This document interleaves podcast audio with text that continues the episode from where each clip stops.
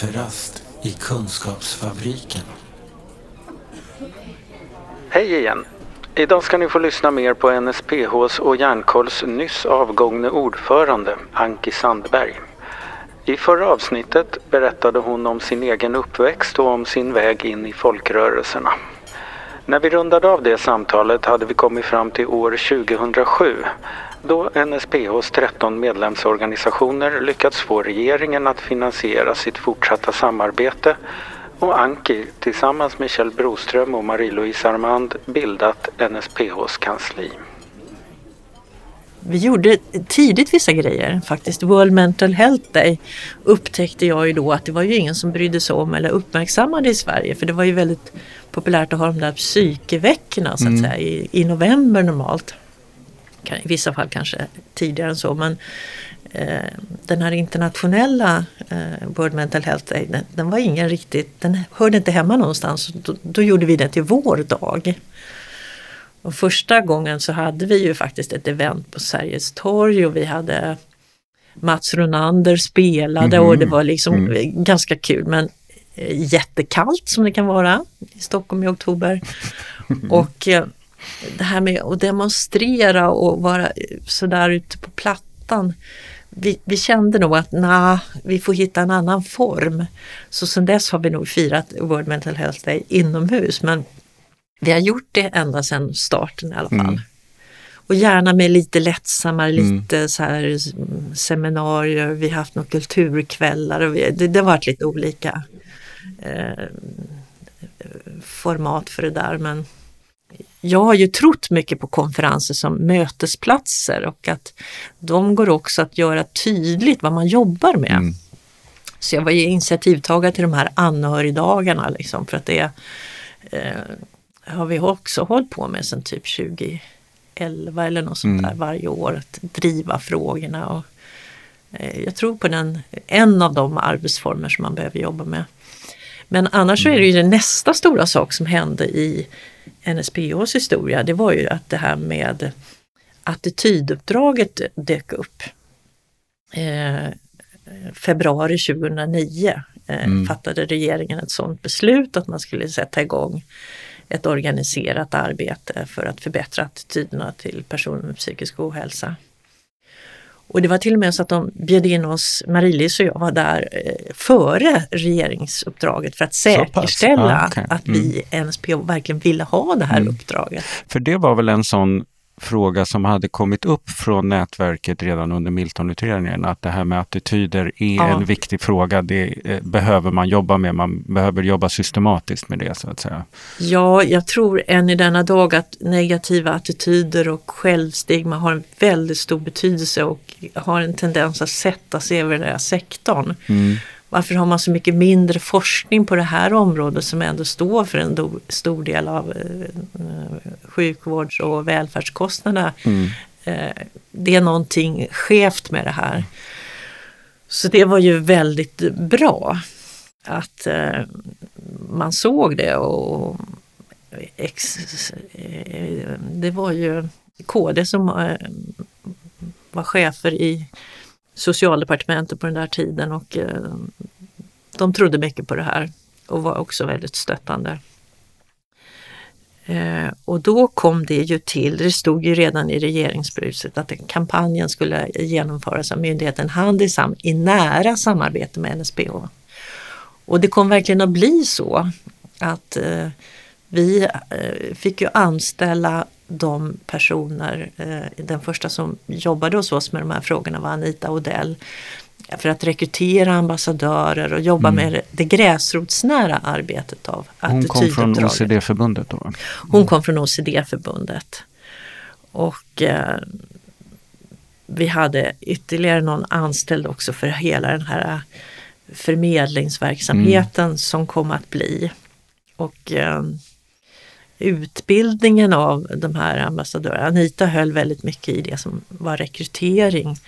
I utbildningarna eh, så deltog ju både de som eh, projektledare och kommunikatörer på Handisam och Vårt Folk.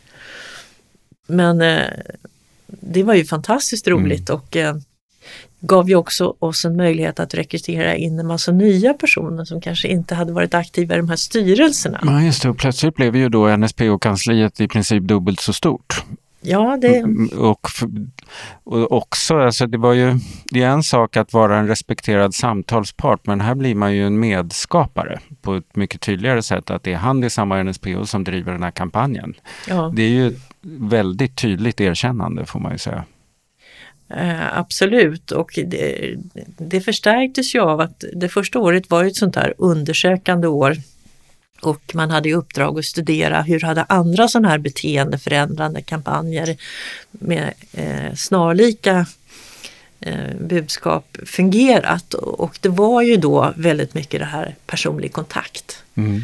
Eh, man sa det i Skottland, man sa det i Australien, man sa det i Storbritannien så att den personliga kontakten som var aha, liksom. Det, det, det berör människor och det öppnar ögonen liksom för eh, det här rastret som våra förutfattade meningar utgör, det, det liksom vidgar sig på något sätt. Så och, och, då vart ju så, så här, gräsrotskontakten, den var ju absolut nödvändig. Det här var ju ingenting som myndigheter kunde skapa. Eller, utan man måste ju ha den där levda erfarenheten. Mm.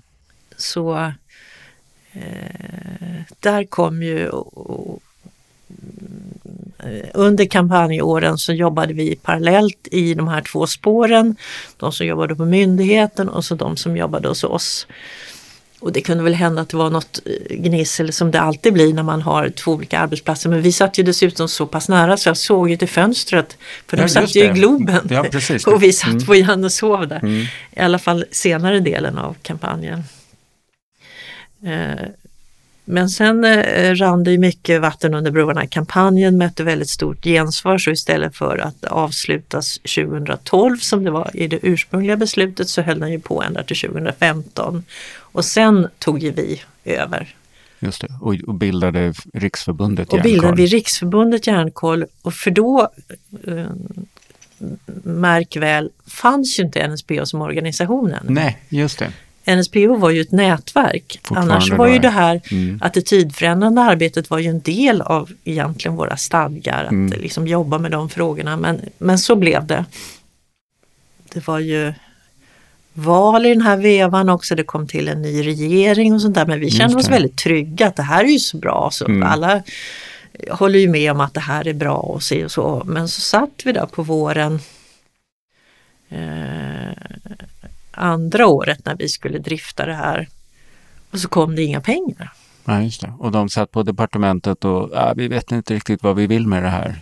Eller? Nej, alltså det dels så fastnade vagt. den här förordningen som skulle komma till mm. eh, fastnade för att vi hade väldigt olika uppfattningar om vad det borde stå i den. Vi från brukarrörelsen ville ju att det skulle vara tydligt att det var ett strukturerat antistigmaarbete som skulle bedrivas. Men eh, i den förordning som blev slutresultatet så är det ju informatörsverksamhet som an, anges. Så ordet stigma nämns ah, inte ens.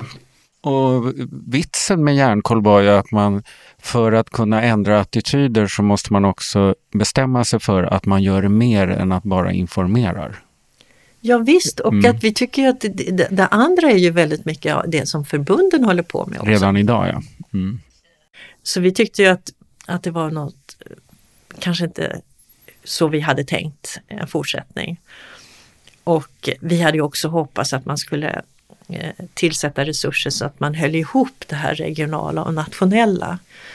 Eh, men så blev det ju inte heller utan Nej. det blev ju ett bidrag för Riksförbundet och eh, en sökbar pott för regionföreningarna. Mm. Och även den, eh, den nationella söks ju också i konkurrens och att det är flera organisationer som delar på de resurserna. Så det gjorde ju att det blev rätt mycket mindre pengar men framförallt att beslutet dröjde. Så det var ju liksom en av de där riktigt ruggiga sakerna då jag verkligen rannsakade mig själv också. Där, Äsch, det kan väl inte vara så märkvärdigt och det ska nog funka och allt det där. Att den attityden att chansa så pass mycket för mm. vi borde ju ha varslat personalen. Mm. Eh, vi, var en, vi var en dag från konkurs, då ah. vill man liksom bara inte vara med om helt enkelt. Och hur många anställda var det på Järnkolls kansli då? Fem stycken? Fyra, fem? Fyra tror jag att, vi, ah. att det rörde ändå. Mm. Och man har ju ansvar eh, mm. liksom jag, jag kunde bara Alltså, det, det stred ju mot vad vi hade erfarit tidigare och så. Men sen lossnade det ju i alla fall, mm. eh, gudskelov. Eh, Men det tog ju på krafterna det där, får ja, man väl säga. Det, mm. det, skapade ju en känsla av otrygghet och också det här sökandet i konkurrens var ju något helt annat än kampanjen staten skjuter till 10 miljoner om året för att vi ska jobba med de här frågorna så att liksom den mm. där Go att eh, tävla med varandra och mm. vem uttrycker det här nu liksom smartast för att mm. leva upp till kriterierna. Så att det skapade ju en mycket större osäkerhet men eh, med tiden tycker jag ändå att vi, vi skakade av oss det där och att eh, eh järnkollrörelsen som den ser ut idag eh, är trygg i vad man har för uppgift och mm. att det finns liksom en bra vi-anda och budskapen eh, de är ju i, i mångt och mycket detsamma.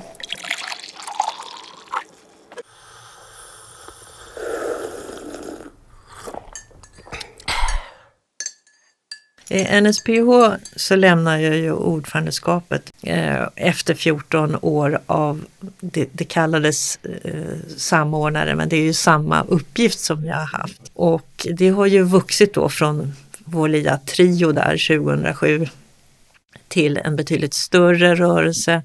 Eh, vi, har, vi driver projekt eh, med ett antal medarbetare som har, har den specifika mm. ramen. Eh, och eh, jag känner att jag behöver, jag har inte tröttnat på något sätt men jag behöver lätta bördorna lite och jag tror att det kan vara bra också att det mm. kommer in nya perspektiv. För det gör det ju alltid när någon annan tar över även om vi eh, jag glädjer mig åt att det är någon som är etablerad i vår rörelse mm. och som tror på föreningsidén. För att det finns väldigt många andra som gör insatser på det här området. Och de är stiftelser och de är organiserade på andra sätt eller fonder eller någonting. Men vi har den här liksom föreningsidén med oss eh, mm. där vi har organiserat personer med egna erfarenheter och det, det är den som har lockat mig också. Kafferast i Kunskapsfabriken. Vi kan väl säga också någonting kort om det här med projekt och så. Ja, för det var ju så jag kom in i det här ja. en gång i världen. Eh, 2010 var det. det precis. Mm. Eh, det var lite roligt faktiskt hur det projektet kom till för att eh, Anita Odell som jag nämnde tidigare som jobbade med järnkoll hos oss, hon var sån typiskt, eh, hade väldigt mycket bakgrund i folkbildningen och mm. studiecirklar och sånt där. Och vi tog fram lite material, din egen makt och, och din, ja, med starkare röst och allt vad det var. Men så satt vi där och tittade på varandra efteråt. Eh, men det här kommer ju inte vandra ut i, i, föreningar och stugor liksom av sig själv. Liksom. Vi, vi måste ju få någon, någon, någon spridning, vi måste ju liksom nå ut till rörelsen. Och det kommer ju inte att ske bara genom att man skickar ett cirkulär. Då, då vet man ju ingenting om förändringsarbete om man tror det. Eh, så då sökte vi ju arvsfondsmedel och eh, eh, vi hittade dig Mårten. Mm. Eh, att, eh, att kunna bedriva det där utåtriktade folkrörelsearbete med de här materialen lite som grund. Och det var ju ett väldigt intressant läge för att den här med starkare röst var ju byggd för att hur, hur kan man jobba lokalt och regionalt tillsammans om man är olika brukarföreningar. Det var ju liksom NSPH, den nationella idén av ett nätverk nerplockat på, i en lokal kontext för mm. att liksom underlätta det där umgänget. Eh, för det kan man väl säga, det är väl inget att sticka under stol med. Det är inte helt enkelt att börja samverka om man är van att vara sig själv. Alltså det, man behöver liksom ge sig tusan på att man ska lyckas för att det ska bli något. på något sätt. Ja, därför att det finns ju den egna förbundets styrka och traditioner och sammanhållning. Man vill ju inte vara utan den. Nej. Utan vad finns det då? Kan vi bygga en annan slags gemenskap också som går lite mer på tvärs? För att påverka i de här större systemen. En eh, sjukförsäkring som gör att eh, många hamnar utanför. Eh, risken att eh, bli fattig, i värsta fall hemlös. Mm. Att eh, liksom, det, det fanns eh, eh, lagstiftning som inte beaktade den enskildes rättigheter tillräckligt mycket. eh, inflytande för patienter, brukare och anhöriga som inte var någon självklarhet i vårdprocesser. Så det fanns ju en massa mm. gemensamma grejer men eh, det kommer kanske inte alltid av sig själv. För många mm. handlar det om att först ska vi samla liksom vår grupp. Mm. Och eh, det kan väl än idag eh, liksom eh, dyka upp som, men vi då liksom. Mm. Och, att man blir rädd att förlora sin identitet och man samarbetar för mycket och sådär. Men... Ja, fast samtidigt tänker jag att ett, ett nätverks styrka är ju att alla deltagarna har sina identiteter. Ja, och så att, var det verkligen hos oss. Mm. Och så är det viktigt när man tänker också eh, lokalt, om man vill börja samarbeta i Lund eller i Skåne eller i Norrbotten mellan föreningarna, att man också tänker på att vi kommer med lite olika saker i bagaget och uppfattningar, men vi har en idé om att det är mycket vi kan göra tillsammans. Eh, men det handlar inte om att sudda ut sig själv för att bli något annat, utan att snarare liksom hitta det som, som blir bättre av att göra det ihop. Jo, det är ju så och eh, ofta berikar det ju liksom eh, vidgar liksom horisonten eh, även för den egna gruppen. Att mm. man, man, man, ser saker som andra kanske har sett före en och så. Så jag tycker man på många sätt så är det lättare att bygga en framgångsrik rörelse men det gäller ju att man sorterar ut också de mm. gemensamma frågorna och eh, håller sig till dem eh, på ett bra sätt även Järnkoll har ju bedrivit projekt. För att, Just det. att det fanns grupper till exempel, personer med erfarenhet av migration som vi inte kanske så mm. lätt hade fångat upp på annat sätt. Så att, och hela diskrimineringsspåret, det var ju till och med, med medan det var kampanj va? Ja, eh, precis det som Madeleine Persson gjorde. Som var, Hon startade det startade arbetet. Det. Mm. Sen blev det ett NSPH-projekt av eh, mm. diskriminering. Diskriminering är ju också någonting som mm. är en gemensam fråga. Ja.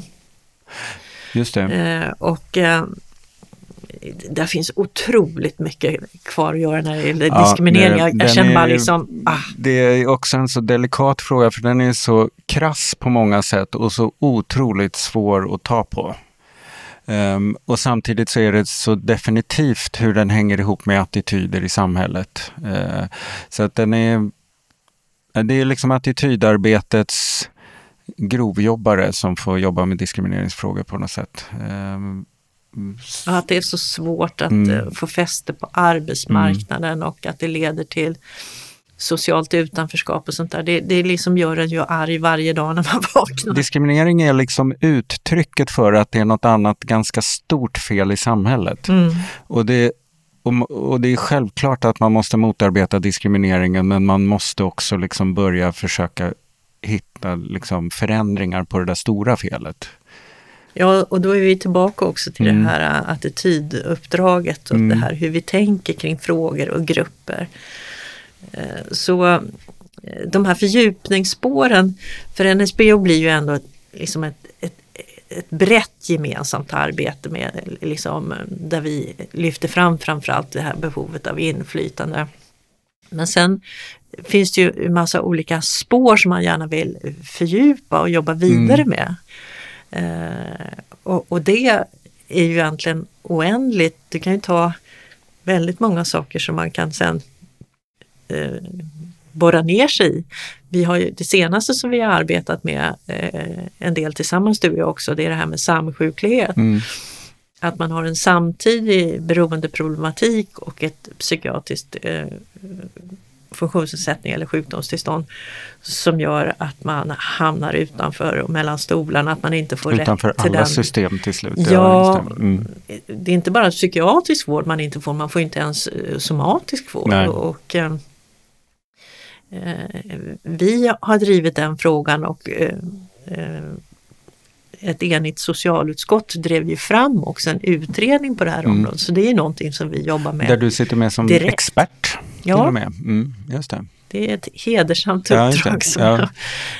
På det sättet, eh, genom ett sånt där arbete som man håller på med under en lång period så får man ju en inblick i samhällsprocesser och hur saker och ting går till och vilka systemfel har vi egentligen och sånt där. Och Jag tycker vi är ganska duktiga i svenska samhället på problemanalys. Mm. Vad är det som inte funkar för den här gruppen, till exempel den vi nyss pratade om. Mm. Men sen när vi ska försöka skruva till det, vilka åtgärder behöver vi till? Ja, då plockar vi fram en gammal verktygslåda från 1880. ja. Eller försöker organisera fram någonting nytt som man tänker så här, ja. men de har ju redan fullt upp i det här. Okej, nu har vi SIP, men nu, nu har vi någonting som är ännu bättre som vi kallar patientkontrakt och då lägger vi på det och så tittar vi mm. eh, alltså, på verktygslådan, på åtgärdssidan. Hur, hur, löser vi knutarna? Hur förbättrar vi tillgängligheten? Hur blir vi av med köerna till barnpsykiatrin mm. till exempel? Vi har haft en kömiljard här i 15 år för att minska köerna till eh, BUP. Och de har mer eller mindre nästan växer. Mm. Eh, och hur, hur, vi löser sådana här systemfrågor, det, det, det, tycker jag är en jättestor utmaning mm. för Eh, både vården och socialtjänsten. Vi var inne på det tidigare att psykisk hälsa, vård och omsorg inte riktigt passar i ett traditionellt reparationsverkstadvård. Men jag tror också att de här frågorna kring brukarinflytande och delaktighet och sånt, det är inte en slump att vi har blivit ganska vassa på det eh, och ligger rätt långt fram i hur man tänker kring maktförhållanden och återhämtning och andra värden än vården. För att jag kan ju se när jag hamnar i sammanhang där andra patientkategorier är med så kan jag tycka att kanske särskilt på cancerområdet, vissa områden, då, då är ju patientföreningarna lika full-blown eh, cancerexperter eh, på ett annat sätt. Medan vi i större utsträckning självklart måste förstå den vård vi vill ha synpunkter på, men mycket mer intar en position och säger men ni måste tänka på det här, men ni måste tänka på det här. Sånt som de inte sjukvårdsexperterna inte har i frontalloben. Liksom. Det är intressant att du har lagt märke till det, för mm. samma sak gäller ju Reumatikerförbundet mm. och en del andra tillstånd, att de betraktas som eh, experter på sin sjukdom. Mm. Men kanske finns det någonting i attityderna till våra grupper att du förstår inte riktigt ditt eget Nej, bästa. Nej, för du är ding i kolan. det är det, det som är ditt problem, det, att du inte ja, fattar. och då måste vi fatta för dig så att ja. säga och, och, vi måste hjälpa dig. Det finns ja. jättemycket goda ambitioner i det här. Men en stor uppgift tror jag är att frigöra, som, mm. som vi sa tidigare, människans inneboende resurser att göra någonting ja. bra för sig själv. Ja, att också balansera vårdens omdöme med patientens omdöme. Eh, oavsett, alltså, och där är ju attitydfrågorna jätteviktiga. Eh, att inte säga att nu är det jag som, jag har alltid lite bättre omdöme än du, för det är jag som står på den här sidan om skranket och du på den sidan. Om man liksom äkta tror på att återhämtning är möjligt, mm. att alla har resurser, mm.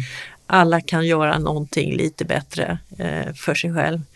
Eh, då förändras ju, alltså då blir ju också din uppgift som eh, vårdgivare blir ju att locka fram det där också. Mm. Eh, och där känner jag väldigt stor respekt för de som jobbar med rättspsykiatriprojektet som vi har nu, mm. alltså som har jobbat väldigt nära utsatta grupper hur får man människor att tro på att det finns någon mening med till exempel att komma till en studiecirkel eller till ett möte? Alltså, eh, ja, just det. Både i, i termer av att är min erfarenhet viktig för någon annan och är det möjligt kanske även för mig att komma vidare efter det här? Ja. Mm. Det är verkligen återhämtningens supergåtor. Men som, alltså det tänker jag också, det skulle jag tro att du tycker likadant. Men att ha fått vistas i den här brukarrörelsemiljön som vi har gjort, att så är det en sån otrolig rikedom av berättelser. Av alla de människor man träffar och man vet vad folk har gått igenom och genomlidit och överlevt och återuppbyggt sig och återuppbyggt sig igen och sådär. Det, det kan jag bli nästan lite sådär andäktig av. Ja, mm. Otroligt vilken kraft det ändå finns mm. i människor att utifrån väldigt svåra situationer ändå komma vidare. Mm. Och, eh, och inte bara komma vidare utan sen säga, men då, då ska jag göra nytta, nu vill jag vara med och skapa förändring. Ja. Och det är liksom det också? Jo, för de, de flesta kommer ju inte vidare i den bemärkelsen att jag blir precis det jag en gång var. Man, man kommer ju till något nytt ställe mm. i sin personliga utveckling. Är det någonting i NSPO-arbetet som du tycker har varit väldigt svårt? Eller utmanande? För mig personligen är det alltid konflikterna. Mm. Det, det, är det som tär på mig. Jag, kan, jag har ganska stor arbetskapacitet. Jag kan bita ihop, jag kan vara uthållig, jag måste leverera någonting eller sånt där. Men när det uppstår konflikter eh, mellan människor, inte minst i den här typen av rörelse så blir det lätt personligt. Mm. Eh, det går djupt, det är inte bara att du har dina idéer jag har mina idéer utan det blir liksom mer än så. Eh, ungefär som man liksom. ifrågasätter liksom. hela den människans identitet eller grupp eller någonting sånt där. Eh, och, och det, det är jag lite sårbar för. Mm. Eh, det är svårt att värja sig för. Jag tycker inte mm. om när folk bråkar helt enkelt. Och eh, kanske också ta på mig onödigt stort ansvar för att lösa de knutarna. Så jag är ganska glad för att eh, jag tycker att vi hade mer av det i början än vad vi haft eh, mm. på senare år. Och eh, att vi, det känns ändå som vi har en rätt stabil grund där vi ser liknande saker och vill liknande saker. Men det är alltid det som jag om, om jag går hem och grubblar så är det nästan alltid av en sån anledning. Mm. Uh, och Eh, sen eh, något annat som jag då och då kan tycka är svårt det är att arbetet är egentligen så oändligt omfattande och mitt i allt så har vi ju ändå väldigt begränsade resurser. Ja, just det, för vi skulle kunna jobba 24-7 och ändå ja, inte bli klara. Det är ett stort arbetsfält mm. Mm. och eh, man förväntas ju revolutionera eh, vården med, med faktiskt ganska små resurser. Mm. Om du tar bort de som är knutna till projekt så är det en väldigt liten grupp människor som ska hålla i allt det där. Nej, det, det, alltså grundstaben vi har räcker ju till att åka runt och säga jag tycker ni borde tänka på det här. Mm. Så mycket mer kan vi inte göra på grundresurserna eh, egentligen. Nej, eh, fördjupande arbete mm. kräver ju antingen att någon går in och eh, beställer en större mm. insats och är beredd att finansiera den eller att man får extra projektmedel var med i, äh, i RSMHs podd häromveckan. Mm. Och Jimmy Trivett som håller i den där radion sa, ska du skriva en bok? ska du göra det? Nej. det finns, det, finns gränser eller? det tror jag absolut inte äh, att jag ska. Och framförallt skulle jag inte vilja ta på mig det oket. Jag tycker liksom jag har gett ut en bok för länge sedan som faktiskt kom ut i flera upplagor om mentorskap som jag jobbade mm. mycket med. Jag, jag, tror ju liksom på mm.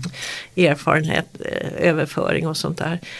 Men eh, nej, jag hoppas att kunna göra lite andra roliga saker. Mm. Jag är ju Eh, det finns ju mycket att berätta om ens liv men när jag gick i Södra Latins allra första teaterlinje. Just det, på estetiska programmet ja. i Södra. Mm. Så jag har alltid varit fanatiskt intresserad egentligen mm. av eh, både konst och teater. Och eh, nu har det ju varit ett sorgeår med allting som har Allt liksom inställt, varit ja, inställt och nerpackat. Men att få lite mer eh, utrymme för det och också det som i långa loppet verkligen betyder något för människor är ju relationer till vänner och så. Mm. Så de ska du odla nu? Ja, jag mm. har ju alltid varit så förbaskat upptagen. Av förklarliga skäl de sista tio åren. Jag har alltid jobbat så himla mycket. Jag, tycker mm. liksom, jag försöker hjälpa mig själv att göra lite kursändring i alla fall. Mm.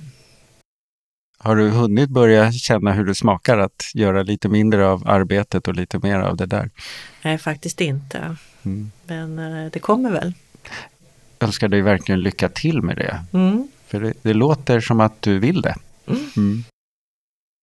Jag tycker vi har rört oss precis i det där som handlar om varför du hamnade där du hamnade och hur du hamnade där du hamnade och vad, vad du har eh, dealat med under de åren och vad du ska fortsätta att dela med och vad vi ska fortsätta att dela med även när du inte är vår ordförande. Men du har ju tack och lov lovat att du ska finnas kvar. Ja, precis. Ja, men du kan ju tänka dig 2007 när det kom pengar till brukarrörelsen. Eh, den som får i uppdrag att hålla i trådarna är utbildad arbetsterapeut. Mm. Har varit egen konsult med ledar och organisationsfrågor. Eh, har suttit i så många styrelser som jag har gjort. Att det, det var ju väldigt frestande faktiskt. Jag förstår att du inte tackade att, nej. Ja. att, men, men också hoppas jag att jag har gjort det här med den ödmjukheten så att andra har känt sig delaktiga. Mm. Eh, för det mm. har varit eh, målet att bli en växande rörelse och då kan man liksom inte bara utropa sig själv till ledare Nej. utan då handlar det om att alla måste med. Och det kan vi väl säga då att från det där första NSPO-kansliet med dig Kjell och Marie-Louise så är vi idag två riksorganisationer med 15, 16, 17 anställda ungefär. Så att lite har vi växt. Mm. Verkligen. Ehm, då ska du få njuta ditt otium som det heter. Mm. Tack för att du ställde upp ja. i podden Anki. Ja, tack själv. Den här podden görs av NSPH, Nationell samverkan för psykisk hälsa. Läs mer på vår hemsida www.nsph.se eller följ oss på Facebook. Kafferast i Kunskapsfabriken.